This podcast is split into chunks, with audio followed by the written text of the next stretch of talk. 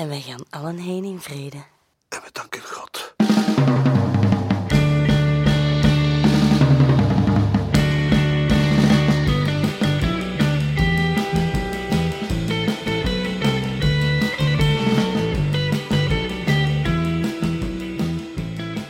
Je hebt zo van die veldweggetjes met ongesnoeide hagen en ergens in de lommerte een kapelletje. Maar dat je dan zo heet kunt worden dat je broek moet uitspelen. Je weet wel, hè? Waar men gaat langs Vlaamse wegen, komt men overal een geil kapelletje tegen. en op een dag zit ik dus bij zo'n kapelletje. Mijn bloesje helemaal losgeknopt, mijn borstjes bloot voor mij uit.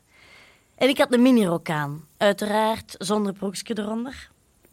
Het zonneke deed serieus haar werk, dus ik speelde mijn bloesje ook uit. Want ja, mijn borstjes hingen toch al bloot.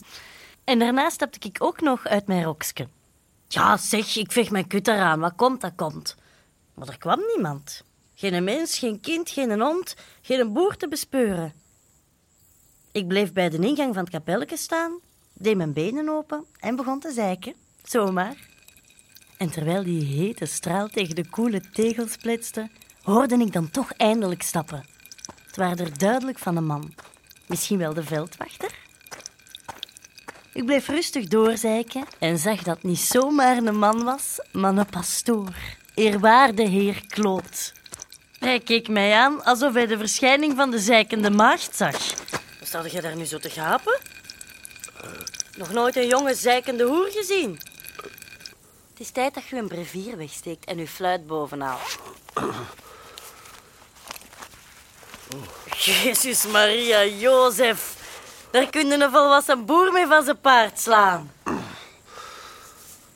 Hmm. Je ziet direct dat jij een eerwaarde bent. Ja? Ja, want alleen die hebben zo'n monsterkanon van kutstad tussen hun benen. Oh, Hoe dikwijls speelde jij je fluit af per dag? hè? Oh, twee keer. S'morgens door de jongen van het zangkoor. En s'avonds door het dochtertje van de meid. Luie hond. Kom jong, hier, trek zelf maar. Oh. Hier, trek maar.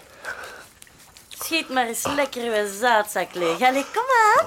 Schiet maar eens tegen mijn kut. Oh, oh, mon dieu. Oh, mon dieu.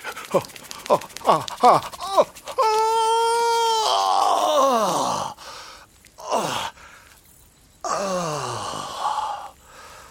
Oh, mon dieu.